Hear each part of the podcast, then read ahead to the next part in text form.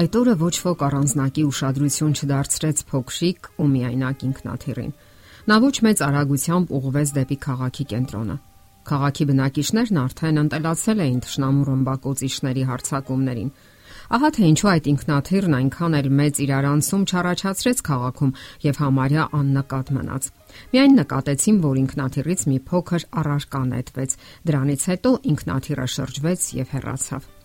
Իսկ ահա արդյունքը սարսափելի էր կուրացուցիչ պայծառ լույս բռնկվեց։ Զոհվեցին հազարավոր մարդիկ եւ ավերակների վերածվեց ճապոնական Հիրոսիմա քաղաքը։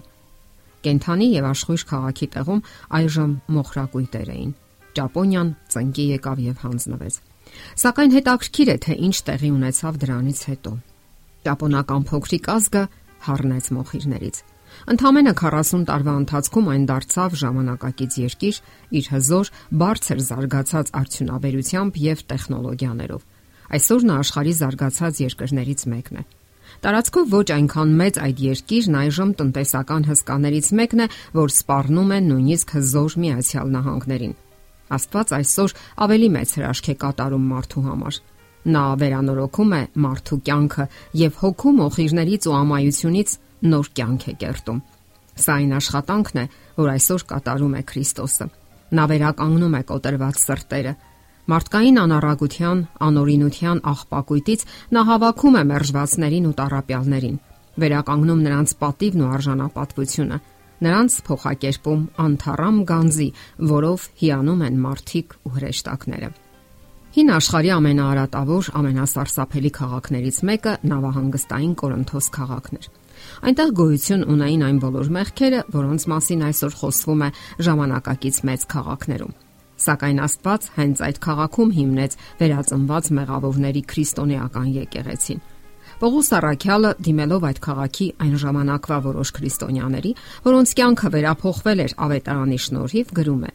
Կամ չգիտեք, որ անիրավները Աստծո արխայությունը չեն ժառանգելու։ Մի խափվեք, ոչ pornikները, ոչ կռապաշտները, ոչ շնացողները, ոչ իգացողները, ոչ արվամոլները, ոչ գողերը, ոչ ագահները, ոչ հարբեցողները, ոչ զրպարտողները, ոչ էլ հապշտակողները Աստծո արխայությունը չեն ժառանգելու։ Եվ ձեզանից ոմանք այսպիսին էին, բայց լվացվեցիք, բայց սրբագործվեցիք, բայց արդարացվեցիք Տեր Հիսուս Քրիստոսի անունով եւ մեր Աստծո հոգով։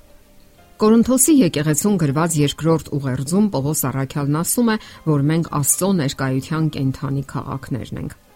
Աստված իսկապես ցանկանում է մեզ հետ լինել, բնակվել մեր մեջ։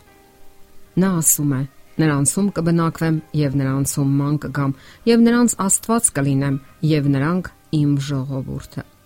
Ինչ պետք է անենք, եթե արդեն կորցրել ենք կապը Աստծո հետ։ Պետք է ծնկի գանք հենց հիմա եւ նրան հանձնենք մեր ողջ կյանքը, մեր մեղքերը, անհաջողությունները, մեր ամոթը, մեր ինքնասիրությունը, մեր կործանարար սովորությունները։ Հնարավորություն տանք, որ մեր հոգու մոխիրներից հառնի նոր կյանքը։ Պողոս Արաքյալը գրում է, որ մենք առանց վախի կարող ենք մոտենալ Հիսուսին եւ սատարում գտնել որովհետև ոչ թե մի քահանայապետ ունենք, որ չի կարող մեր տկարություններին չարչարակից լինել, այլ մի այնպիսին, որ ամեն բանով փորձված է մեզ նման, բայց առանց մեղքի։ Ուրեմն համարցակությամբ մոտենանք շնորհքի աթորին, որ ողորմություն ընդունենք եւ շնորհ գտնենք։ Աստվածաշունչը հավաստիացնում է, որ Աստված հասկանում է մեզ։ Եվ ինչպես չի հասկանա, եթե երկրի վրա ապրել է կատարյալ կյանքով, ճաշակել մարդկային բոլոր փորձությունները։ Այս կյանքում մենք ամեն օր որոշակի հիմնախնդիրների ենք բախվում։ Ինչպես լուծել դրանք բոլորը։ Ելքը Աստծո հետ միաբան լինելն է։ Մենք պետք է Աստծուն նվիրաբերենք յուրաքանչյուր նոր օրը, հուսալով եւ վստահելով նրա պահպանությանն ու օրհնությանը։ Կարևոր չէ թե որտեղ եւ ինչ իրավիճակում ենք գտնվում մենք։ Սաղմոսերգուն ասում է. Սա այն օրն է, որ Տերն արարեց թող ցնծանք եւ ուրախ լինենք նրանում։ Հնարավոր է մենք ծանր մանկություն ենք ունեցել եւ անցյալի բեռը ճնշում է մեզ։ Հնարավոր է մեզ ծաղրում կամ նվաստացնում են ամենատարբեր պատճառներով։ Երբեմն մեր ընկերներն են մոռանում մեզ, անտեսում կամ դավաճանում։ Սակայն մարդիկ չեն կարող այն աստիճան խորտակել մեր կյանքը, որ Աստված չկարողանա վերականգնել այն։ Մարդկային անօքնականությունը չի կարող գերազանցել Աստծո ողորմությանն ու զորությանը։ Աստված կարող է վերականգնել բոլորին,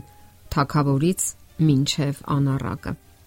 Աստվածաշնչում հստակ ասվում է այն մասին, որ փրկվածները երկրային պատմության ավարտից հետո կժառանգեն նոր երկիրը։ Այնտեղ լիովին իրականություն կդառնա Քրիստոսի խոստումը, ըստ որի իր մոտ է վերցնելու փրկվածներին եւ միշտ միասին են լինելու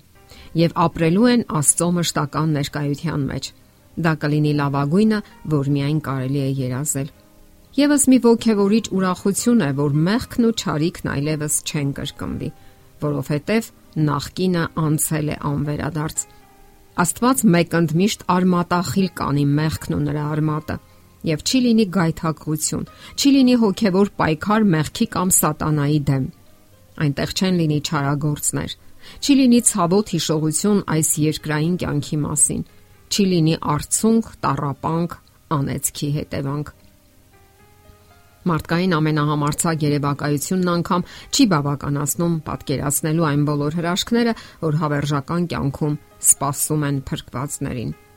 Հայտնության գրքում կարդում ենք. Եւ նրա հրաապարակի մեջտեղում գետի այս ու այն կողմերում կենաց ծառներ, որ 12 պտուղ էր տալիս։ Ամեն ամիս իր պտուղն էր տալիս, իսկ ծառի տերևները ազգերին բժշկելու համար էին։ Բնագրային թարգմանության մեջ բժշկություն բառն ունի նաև վերականգնել իմաստը։ Ահա թե ինչու այնտեղ երբեք չի լինի հիվանդություն ու մահ, լաց ու արտասուկ։ Իսկ ամենակարևոր առավելությունն այն է, որ այնտեղ է Հիսուսը, ով համագործակցում է մարդու հետ, ով իր կյանքը չխնայեց մարդու համար։ Փոքրագույն ատոմից մինչև մեծագույն աշխարը ամեն բան շնչավոր թե անշունչ իր անսքող գեղեցկությամբ եւ ուրախությամբ կհրճակի։ Աստված սեր է։ Եթերում ղողանջ հավերժության հաղորդաշարներ։ Ձեզ հետ է Գեղեցիկ Մարտիրոսյանը։